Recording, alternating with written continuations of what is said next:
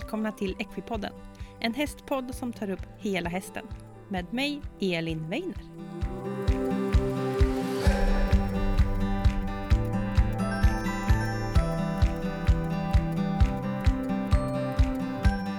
Hej alla Equipodden-lyssnare och välkomna till veckans avsnitt. Veckans avsnitt är lite av en specialare då det är avsnitt nummer 100 och detta fina jämna nummer ska såklart firas med ett litet specialavsnitt. Nu undrar ni säkert såklart vem jag är och mitt namn är Anton Johansson och idag har jag fått äran att intervjua personen bakom Equipodden som även är min kära flickvän och sambo. Välkommen Elin Weiner! Hej! Hur är läget med dig idag? Det är bra. Det känns eh, lite nervöst och konstigt att sitta på den här sidan av eh, mikrofonen. Jag brukar ju sitta där du sitter och eh, intervjua, men idag är det jag som blir intervjuad. Mm, men du har gjort det här så många gånger så det är väl inga konstigheter?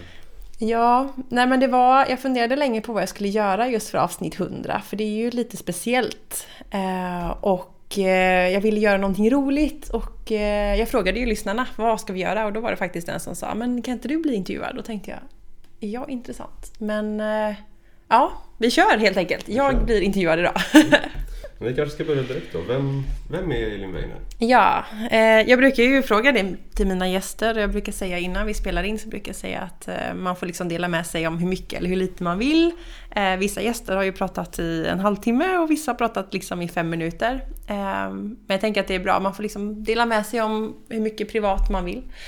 Men eh, jag är 30 år gammal, jag bor i eh, Bildal, Billdal, lite söder om Göteborg, eh, vid kusten med min sambo då, Anton som sitter mitt emot mig. Och vår våran hund Tux som hörs i podden ibland för han vill gärna prata mycket. Jag jobbar som lärare, har gjort det i några år. Och sen så vid sidan då så driver jag ju företag där jag åker runt och tömkör. Och det har vi pratat mycket om i podden. Och jag driver också den här då podden som är en intervjupodd så jag tycker det är väldigt roligt. Mm. Eh, Hur eh, väcktes ditt intresse för eh, hästarna? Jag är väl en sån där liksom hästtjej från när man var liten. Alltså, ja, man tjatade väl ihjäl sig när man var liten på en pappa att man ville ha häst och började på ridskola. Och jag började på ridskola när jag var åh, sju eller åtta kanske. Mm. Och så var jag där ett antal år och sen eh, var det dags att skaffa ponny då. Och eh, vi hade foderponny tillsammans med en annan familj. Och min mamma är ju hästtjej Mm. sen alltid och har ridit jättemycket när hon var liten och tog väl en paus när hon blev lite äldre och jag vet hon trillade av ganska illa på en häst och ehm, blev liksom, det blev lite paus i livet som det ofta blir. Många känner nog igen sig i det man får barn och sådär. Och eh, min syster red ju mycket så vi red mycket ihop. Och eh, det, det var väldigt roligt och vi red på ridskola och sen så tog vi steget då och skaffade foderponny tillsammans med en annan familj. Och eh, från början då så var det både jag och min syster men eh, min syster tyckte ridning var lite mer av en eh, sommarsport. När det inte är massa minus och jättemycket lera i hagen. Och för er lyssnare som är i Göteborg, ni vet ju hur jädra mycket lera det kan vara i Göteborg. Ehm, så hon eh, droppade av där och då var det väl jag och mamma. Och sen kom ju då ponny på ponny och sen häst. Och eh, tränat och tävlat mycket, varit dressyrryttare. Ehm, och jag har alltid hållit på med tömkörning. Och eh, ja, hästar har alltid varit liksom en del av, en del av mig sådär, har alltid hållit på. Jag vet jag hade något glapp på någon vecka mellan liksom nästa häst skulle komma. Och då hade jag städat hela lägenheten, omorganiserat hela förrådet på vinden och röjt hos min mormor och morfar och åkt till tippen två gånger för dem och tänkte bara hur kan folk leva utan häst? Eh, det är många som frågar mig idag om jag har egen häst och det har jag inte. Jag hoppas verkligen att det kan bli en egen häst snart. Jag rider så ofta jag hinner men jag tömkör väldigt mycket. Jag tömkör många hästar i veckan och det är ju det hästlivet som jag har just nu. Vilket är kul. Det började som en eh, hobby och eh, blev en stor del av ditt liv. Liksom. Mm. Men hur gick det över från ett hobbyintresse till företagande? Ja, precis. För nu är det ju inte så mycket att jag rider inte för mig själv eller tränar för mig själv och sådär, utan jag ju bara alla andras hästar hela tiden. Och ehm, det började ju med att jag har alltid varit väldigt duktig på att tömköra. Har tömkört mycket och ofta mina egna hästar och det har gått väldigt bra. Eh, de allra flesta tycker tömkörning är en väldigt bra träningsform, men många tycker det är väldigt svårt och det förstår jag. Det är svårt med de här långa linorna och man ska hinna med efteråt och det är mycket timing och position och hästarna kan få lite glädjekänslor och det kan vara lite läskigt. Så jag förstår det. Ehm, men då var det väldigt sådär bra för att vi började med att vi bytte lite tjänster. Att eh, jag kanske tömkörde någons häst och den kanske tog min häst på en vilodag så jag fick vara ledig. Eller de kanske mockade åt mig och jag kunde tömköra då. Ehm, och det var, väldigt, det var väldigt bra. Men sen blev det ju ett glapp där då, eh, när jag sålde den hästen jag hade i det stallet. Och eh, då var det väldigt många som var lite sådär, eller jag hade väl några jag hjälpte, som så här, men kan du inte komma och fortsätta hjälpa oss? Och sådär, så här, jo det kan jag göra, ja, men då får du nog börja ta betalt. För då kunde du inte få tjänster längre. Det. och eh, då tog jag 50 kronor. Och det här är då, jag tror det är 2000, eh, typ 13, sommaren 2013 tror jag. Tog 50 kronor per häst. Och eh, då hade jag ganska många i stallet. Och eh, sen kom grannstallet och ville vara med. Och sen kom ytterligare ett grannstall och ville vara med. Och det blev så här, oj då, nu blev det ganska många. Det var ju billigt såklart. 50 kronor var inte mycket för 45 minuters dömkörning. Eh, Så det var väl där jag kände att eh, jag behövde liksom göra det lite mer på riktigt. Eh, I den vevan flyttade jag också från Göteborg. Jag flyttade till Skövde. Och eh, jag åkte fortfarande till Göteborg. Jag hade kvar mina kunder i Göteborg. Men det blev ju också det här att hamna i en ny stad. Jag ville plocka upp hästarna. Jag ville fortsätta tömköra. Och då, då kände jag att jag måste ju marknadsföra mig. Jag måste ju nå ut. Jag måste ju säga att jag finns. Annars kan ju ingen lista ut det. Och när jag kom över då och kände att nu ska jag börja marknadsföra mig, då kände jag att nej, men då måste jag börja ta betalt. Mm. Och då startade jag företag. Och jag minns det väldigt väl för att min pappa är ekonom. Så jag ringer mamma och pappa, det är i sommar 2014 och de är i Florens tror jag, i Italien. Och jag bara, pappa, nu ska jag starta företag, hur gör jag? och han bara, ja, då gör du så och så och så. Och så en kvart senare så var det klart. Det var inte svårare än så. Häftigt. Och eh, ja, sen har ju företaget utvecklats. Jag har också haft lite andra företag längs med vägen. Eh, Men från början var det ju tömkörning. Mm. Jag höll på med tömkörning och jag fick mycket nya kunder. Jag reste runt mycket i hela Västra Götalands län och hade mellan fem och tio hästar i veckan som jag tömkörde och så är det fortfarande. Och eh, ja, det var väl där det gick över till att bli det. Liksom. Mm, Okej. Ehm, hur kom det sig att eh, du ville starta en podcast då, om hästarna?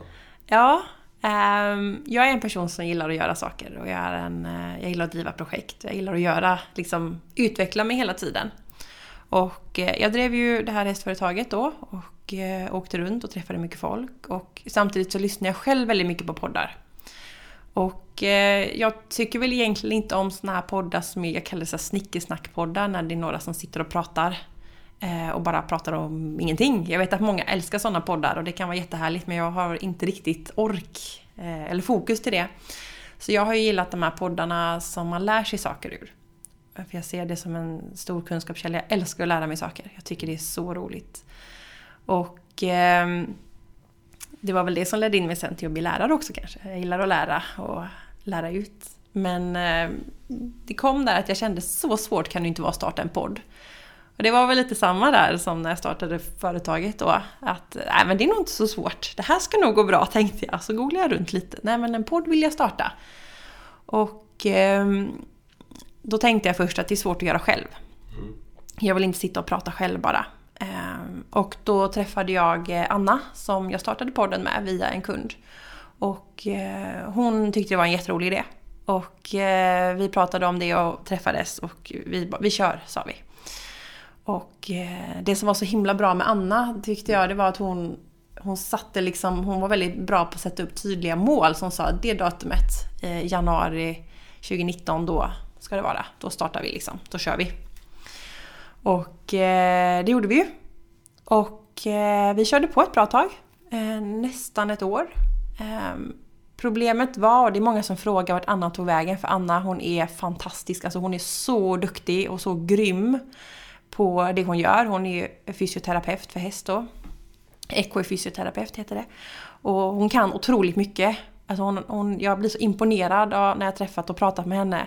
Så jag är väldigt glad att jag har fått träffa och prata med henne. Men eh, hon hade ett väldigt fullt schema, jag hade ett väldigt fullt schema. Och eh, i slutet var det lite sådär att vi... liksom spelade in klockan sex på morgonen. Vi bodde en bit ifrån varandra, så det var svårt att träffas. Eh, jag vet någon gång spelade vi in liksom fram till klockan elva på tisdag kväll. Vi släpper ju på onsdagar. Så det blev inte riktigt hållbart. Eh, hon ville bromsa och ta en paus och jag ville gasa. Och eh, där kom ju den här formen då till att gå över till att bli en intervjuform mm. i podden. Och det var det det blev. Och eh, i efterhand tycker jag det är väldigt kul för jag lär mig väldigt mycket av gäster och det, jag tycker det är kul att träffa intressanta människor. Mm. Men eh, såklart jättetråkigt att eh, Anna inte är kvar. Men jag önskar henne all lycka till ändå. Okay. Eh, hur känns det att eh, eh, via podden få träffa stora idoler som du har och stora namn inom hästvärlden och att de vill vara med i din podd? Mm. Det, det, det, är lite häftigt. Eller blir, man kan bli lite starstruck och tänka herregud, gör folk det här för mig?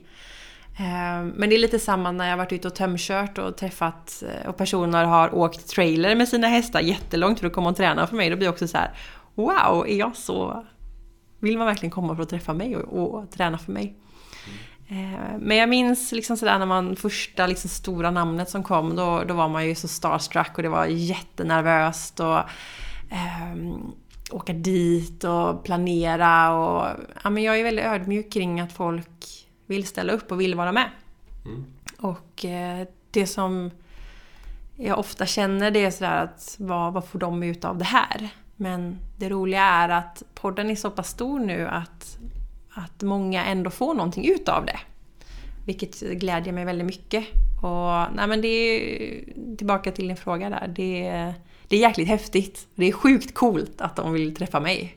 Mm. Eh, faktiskt. För eh, det är ju bara lilla jag. Jag är ingen speciell person. Mm. Men eh, det är väldigt kul. Jättekul. Har du någon anekdot eller något eh, speciellt minne som eh, har betytt mycket för dig som du vill dela med dig av? Ja, nu måste jag tänka lite. Jag måste börja med eh, Per Waller då. Jag får tips om Per Waller och har man inte lyssnat på det, gör det. Och jag får tips och pratar med honom och sådär och så åker jag dit och kommer liksom till deras gård och ja, inget speciellt. Och så sätter jag mig och så pratar vi och så börjar han prata och jag tappar hakan. Herregud, jag satt i chock. Det var helt sjukt. Typ, allt han sa det bara träffade rätt in i själen. Det var så häftigt. Så när jag åkte därifrån så var jag verkligen helt eh, förvirrad och glad och haj och allt. Det var, det var en jättekänsla faktiskt. Eh, sen eh, så har det varit många intressanta avsnitt som liksom betytt mycket. Det har varit kul att få resa iväg och träffa folk, att de har tagit sig tid. Eh, jag vill nog säga första stora gästen som var med det var Johanna Lassnack. Fantastisk person. Eh, jätteglad och trevlig att träffa henne. Sen eh, ganska samma veva där så var jag hos Johanna Duboye, dressyrryttaren, och eh, kom dit. Och då var jag också skitnervös, för det var första intervjun jag gjorde själv. När jag åkte iväg och träffa någon. Och hur jag skulle hitta dit och, ta, och vart jag skulle parkera och du vet, allt var bara jättenervöst. Och så träffade jag Johanna som är också en fantastisk person och så himla lugn och välkomnande och trevlig. Och det, det var, jag var bara jättenervös. Och hon bara, men ska jag visa dig runt så du får träffa hästarna? Jag bara, ja gärna! Och så får träffa hennes wow-hästar, framförallt Maisie då och de andra som hon har där fortfarande. Det var ju också bara jättehäftigt. Att följa någon på Instagram och få se liksom gården och hästarna och hundarna och allting och, och sen få åka dit och träffa den här personen och se det live. Det var, det var lite häftigt faktiskt. Um, så det är lite sådana. Sen är det många andra gäster som har betytt mycket och många samtal som har betytt mycket. Uh, jag tycker Anna Nordin, enastående häst och ryttare. Allt hon säger är också bara wow. Jag gillar ju personutveckling och där har det är klart det är kopplat till hästar, men det är också mycket person. Alltså jag. Och det tycker jag om. Vivica med Svensk Hästrehab. Det var också första gången jag träffade henne. Jag var också starstruck kan jag säga. Nu har jag träffat henne så många gånger så nu är det inte riktigt lika så pirr i magen. Men eh, det är också allt hon säger, det bara makes sense. Och det tycker jag är så härligt att få lyssna på. Man har verkligen ändrat sin, sitt sätt att tänka. Faktiskt. Mm. Sen är det väl det här när man har fått många lyssningar eller något avsnitt har delats eller någon har kommenterat och sagt att det har varit bra eller att det har fått många lyssningar. Ehm, det, det är också mycket sådana minnen när man har slått rekord i antal personer som lyssnar per dag eller antal liksom, downloads som har varit. Ja, så det är mycket sådana minnen. Så det är väldigt mycket glada, positiva minnen. Och jag hoppas det blir många fler faktiskt. Sen, sen kom jag på ett, en sak till och det var, jag var iväg och tömkörde och var i ett stall och eh, en eh, tjej stannar mig. Hon rider förbi och hör min röst och stannar. Och första gången hon blir stannad liksom och så här, Men du, är det du som har podd, Equipodden? Jag bara ja, det är jag. Så första gången jag blev igenkänd, då kände jag mig lite famous faktiskt. Det var, det var stort. Sen har det hänt några gånger till och träffar man mig får man jättegärna prata med mig. Det blir, jag blir jätteglad. Men det var, det var häftigt. Tänkte man, oj. Det är någon som lyssnar på det jag gör och det är någon som faktiskt lyssnar så att man känner igen mig. Ja, det, det, var, det var faktiskt jättehäftigt. Det gjorde mig otroligt glad. Så det hoppas jag händer också igen. Hur går det till när du gör ett avsnitt? Ja, det tar ju lite tid som sagt då och eh, man får ju börja med att hitta någon intressant person man vill intervjua. Och eh, jag får jättemycket tips om lyssnare, från lyssnare och det har verkligen genererat sjukt bra avsnitt så jag är jättetacksam för den hjälpen jag får. Eh, sen tittar jag mycket på Hipson, ridsport och andra sådana där sociala medier eh, och tidningar och sådär. Eh, där det kommer upp nyheter och man liksom försöker vara med lite i ropet. Eh, sen är det väl lite sånt där man hittar själv också. Eh, jag kanske vill intressera mig för något ämne och eh, då försöka hitta en person som kan svara på en specifik fråga eller specifikt ämne. Ehm, att jag liksom hittar någon som är duktig och det är väl det som är lite svårt. Att hitta någon som... Ja, typ, jag vill hitta någon som är bäst i Sverige på det här. Men det kan ju vara jättesvårt. Ehm, sen är det väl också så att jag har en väldigt bred podd och ehm, vad jag förstår när jag pratar med mina lyssnare det är att man håller på med väldigt mycket olika. Det är allt ifrån västen till islandshästryttare till folk som bara rider i skogen eller tävlar på hög nivå i de klassiska engelska sporterna. Nu, nu gör jag snufföron här. Men eh, också folk som rider på ridskola så att det är en jättebred publik. Och det som jag känner är ändå gemensamt för alla det är att vi håller på med häst. Eller hur? Och ehm, då vill jag hitta någonting som passar för alla. Sen är jag lite mer, som att jag själv är dressyrryttare, så är jag lite mer inriktad på de här klassiska engelska. Men jag gillar utveckling, jag gillar att lära mig, så jag vill hitta intressanta personer. Mycket sociala medier, mycket i våra olika tidningar eller media som finns i hästvärlden. Eh, håller koll på sociala medier och där, där hittar man. Och som sagt, Google. att googla runt och så tips. Så när jag hittat en intressant person, då brukar jag skriva till den. Eh, ibland får jag svar och ibland får jag inte svar. I ganska många lite sådär stora namn kan det ta lång tid. Eller inte svar alls, så då får man skicka igen och igen och igen. Det är, det är några eh, som jag nästan känner mig som en stalker för att jag skickar meddelanden. Hej, vill du vara med i podden? Men ganska ofta får jag svar. Och eh, då är det alltid lite konversation kopplat till liksom, eh, vad man ska prata om och eh, vem det är och de frågar lite hur det går till och sådär. Och eh, när vi liksom har bokat och satt ett datum, då är det research. Jag gör ganska mycket research. Man läser, eh, ibland hittar man eh, liksom i, som sagt tidningen Ridsport eller i Hipson att man hittar att de har varit med där. Man hittar på Google, man kan titta på, ibland hittar jag på YouTube, ibland hittar jag att de har varit med i någon podd innan. Alltså att man hittar saker och läser på om de här personerna. Jag försöker lista ut vad är den här personen brinner lite extra för. Jag frågar mina lyssnare. Eh, jag frågar också den jag ska intervjua vad den, om den har något speciellt den vill prata om. Så eh, det blir ju liksom ja, ett research och då skriver jag ner eh, ämnen som vi ska prata om. Som jag brukar delge till den jag ska intervjua. Och eh, sen är det intervju. Och jag försöker träffas. Jag försöker resa och träffas. Men inte alltid det går bra. Och eh, en hel del intervjuer blir ju på distans. Och speciellt nu när det har varit pandemi. Då har det liksom inte varit lämpligt kanske alltid att resa iväg. Utan jag har spelat in på distans och det funkar ganska bra. Jag upplever att eh, ljudet ändå blir okej okay och jag upplever att ljudkvaliteten kan man ha lite överseende med eftersom att innehållet är ganska bra.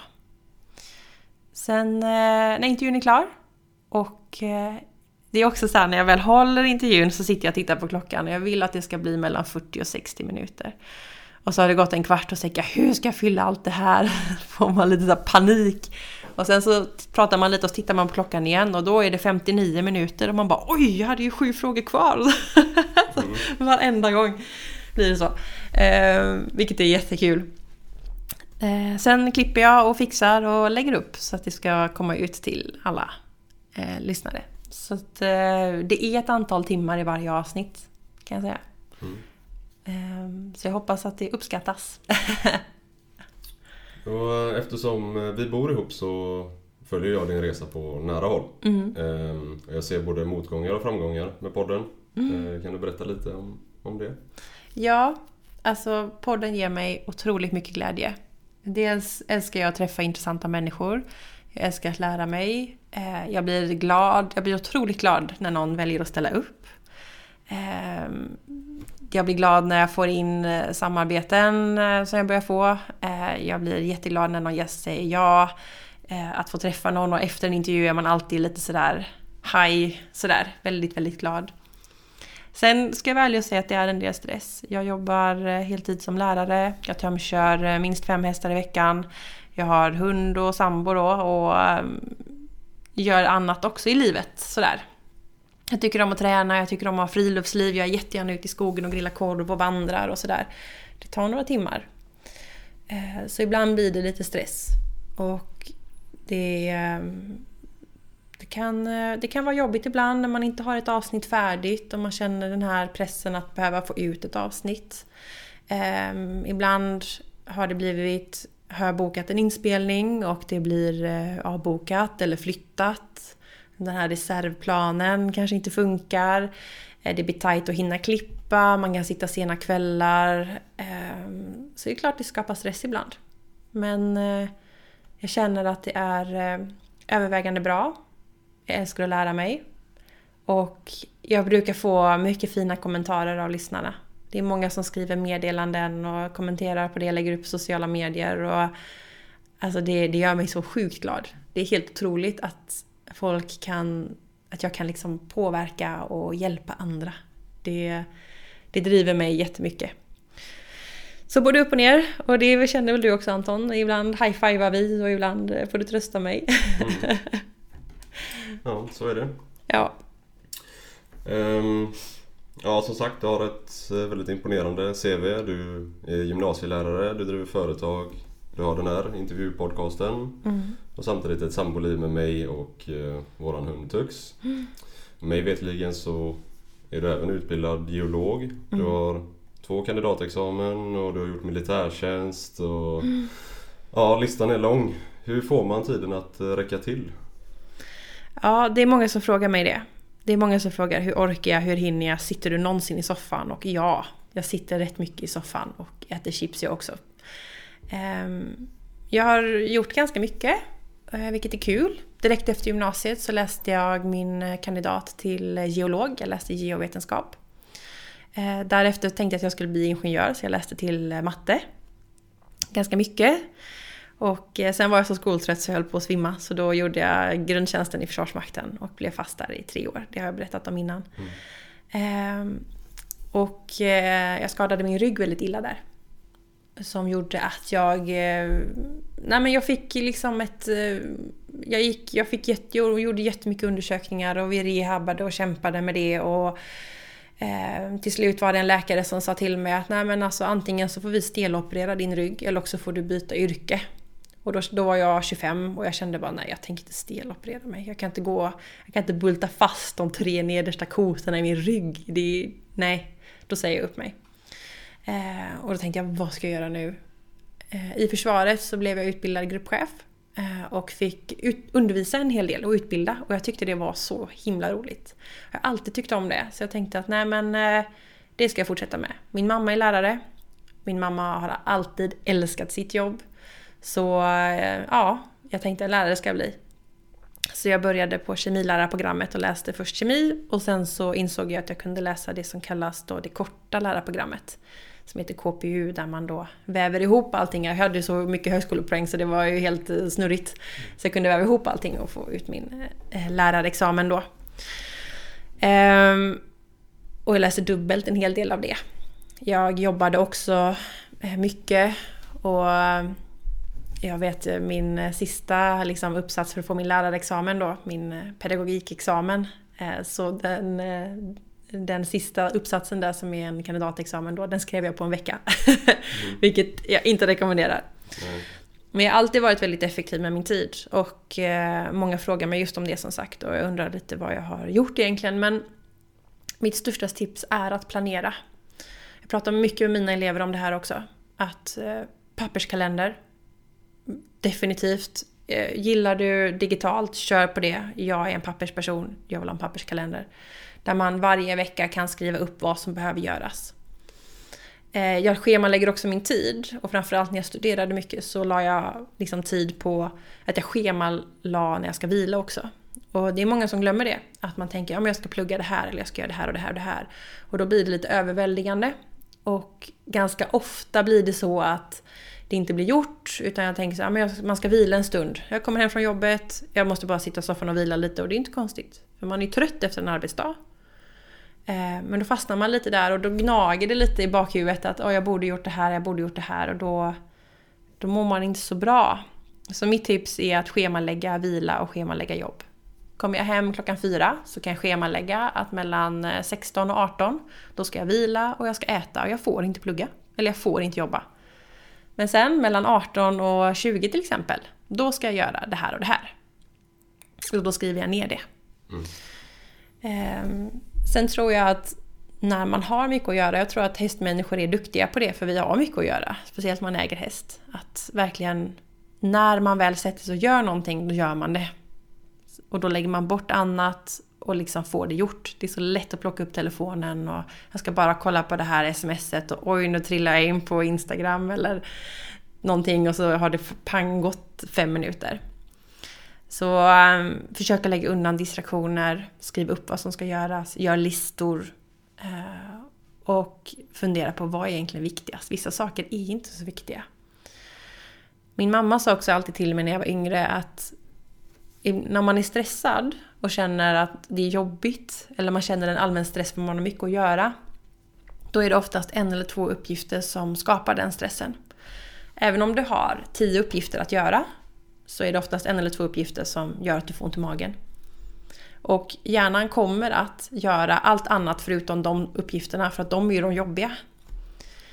Så att, att ta sig lite tid och titta på sin lista och se okej, okay, vad är det egentligen som stressar mig? Och då se, det är den här och den här uppgiften. Då gör man det först. För då spelar det ingen roll om jag har en lista på tio saker, jag hann göra en sak. Men jag hann göra den saken som får mig att må dåligt. Då kommer jag må bättre och då blir det lättare att göra de andra uppgifterna. Om jag gör de andra uppgifterna, om jag hinner sex uppgifter på min att göra-lista, men jag har inte gjort den där uppgiften som fick mig att må dåligt, då kommer jag fortfarande må dåligt. Så det tycker jag. Sen, eh, många tycker jag har ett stort driv. Eh, att se mål och se vad man vill. Drömma om framtiden, det tror jag är jätteviktigt. Det gör jag mycket. Se vad jag vill och vad jag hoppas. Och att hela tiden aktivt jobba mot det. Fundera på vad kan jag göra idag för att nå mitt mål om några år. Ehm, så det kanske är mina bästa tips för effektivitet kanske. Just det. Eh, har du några råd till eh, kanske unga människor som vill ta steget framåt och kanske starta ett företag eller byta jobb, eh, börja plugga för det där yrket som man drömmer om? Hur ska man våga och hur ska man tänka kring sina mål och drömmar? Mm. Jag tror att, eh, att eh, man oroar sig lite för mycket. Man tror att det ska bli krångligt och svårt. Eh, vilket det ofta är. Och jag tror att många som vill starta företag oroar sig för ekonomidelarna. Eh, vilket jag verkligen förstår. För det är, jag har haft företag, jag startade företag 2014 och det är fortfarande ett mysterium nästan för mig. Även om jag gör det varje år. Ehm, men det viktiga är att se vad har jag för tillgångar och vad kan jag få hjälp med. Man måste inte klara allting hela tiden själv. är ekonomin svårt, om det är det som hindrar dig, ja men titta upp då innan du startar. Vem kan hjälpa mig? Kanske har man någon i sin släkt eller närhet eller också kontaktar man en ekonom som kan hjälpa dig. Ehm, jag tycker att allt är värt att testa. Om du har en idé som du inte kan sluta tänka på, då ska du göra det. Och det är svårt och det kräver disciplin. Eh, och det kräver hårt arbete och att förstå att det tar hårt arbete ganska lång tid i början. Och att man får kämpa några år där man kanske jobbar dubbelt eller man får inte betalt och sådär. Men om det är något du tror på och brinner för, då, då, då tror jag att det kommer gå bra. Eh, jag tror också att, att eh, man verkligen ska tycka om det man gör. Att inte göra det för att bli känd eller för att tjäna pengar. Som den här podden startade jag för att jag själv ville lära mig. Ibland så skojar jag och säger att det var väldigt själviska eh, liksom, händelser som gjorde att jag startade podden för att jag själv ville lära mig. Sen att jag träffar intressanta människor och spelar in och lägger ut, det är liksom det är en bisyssla. jag ville göra det för min egen del. Och då tror jag att när man brinner för det och verkligen hittat det man brinner för, då kommer det gå bra. Sen vet jag att många, man kan säga att men jag brinner inte för någonting, jag vet inte vad jag brinner för. Och då har man antingen inte hittat det man brinner för, eller så brinner man för någonting fast man inte inser det själv. Och då får man fundera på vad är det jag tycker om? Och vad är det, det här som jag tycker om så mycket? Kanske den vägen kan hitta till det man brinner för. Men jag förstår att det är svårt. Där kan man också ta hjälp. Var inte rädd för att ta hjälp. Det finns att lära av alla. Hur länge till tror du att vi får vara med och lära oss allt om hästar? I podden? I podden. Nu är det avsnitt 100. Ja, ja. Eh, jag har inga planer på att sluta. Tvärtom så hoppas jag kunna levela upp till eh, hösten i alla fall. Ehm, vi får se. Det finns inga planer på att bromsa i alla fall. Men eh, avsnitt 100 känns jättestort, jättehäftigt och det kanske blir 100 till i alla fall. Det är inte svårt att tro. Jaha, då var det dags att runda av avsnitt 100. Hur mm. känns det? Det känns bra. Alltså, jag var ju som sagt rätt nervös men äh, men det, det blev nog ändå ganska bra. Jag hoppas att äh, lyssnarna tycker att det ändå har varit lite intressant att lära känna mig kanske lite, lite mer om man inte visste det innan. Om man vill eh, komma i kontakt med dig så gör man vad? Mm. Eh, tycker man det här var intressant så får man gärna följa Equipodden på sociala medier och Facebook och Instagram är det som gäller. Och sen så podden finns ju där poddar finns. Och eh, man får gärna gå in och lämna ett omdöme, man får gärna följa, man får gärna skicka meddelanden, man kan mejla equipodden gmail.com eh, Tips och tankar, konstruktiv kritik, om man har någon gäst eller vad som helst. Jag svarar så fort jag kan, oftast ganska snabbt faktiskt. Så ja, där kommer man i kontakt med mig. Tack för att jag fick vara med och intervjua dig. Tack var, så mycket! Det var roligt. Ja, det var kul va? Mm. Ha det så bra. Hej då!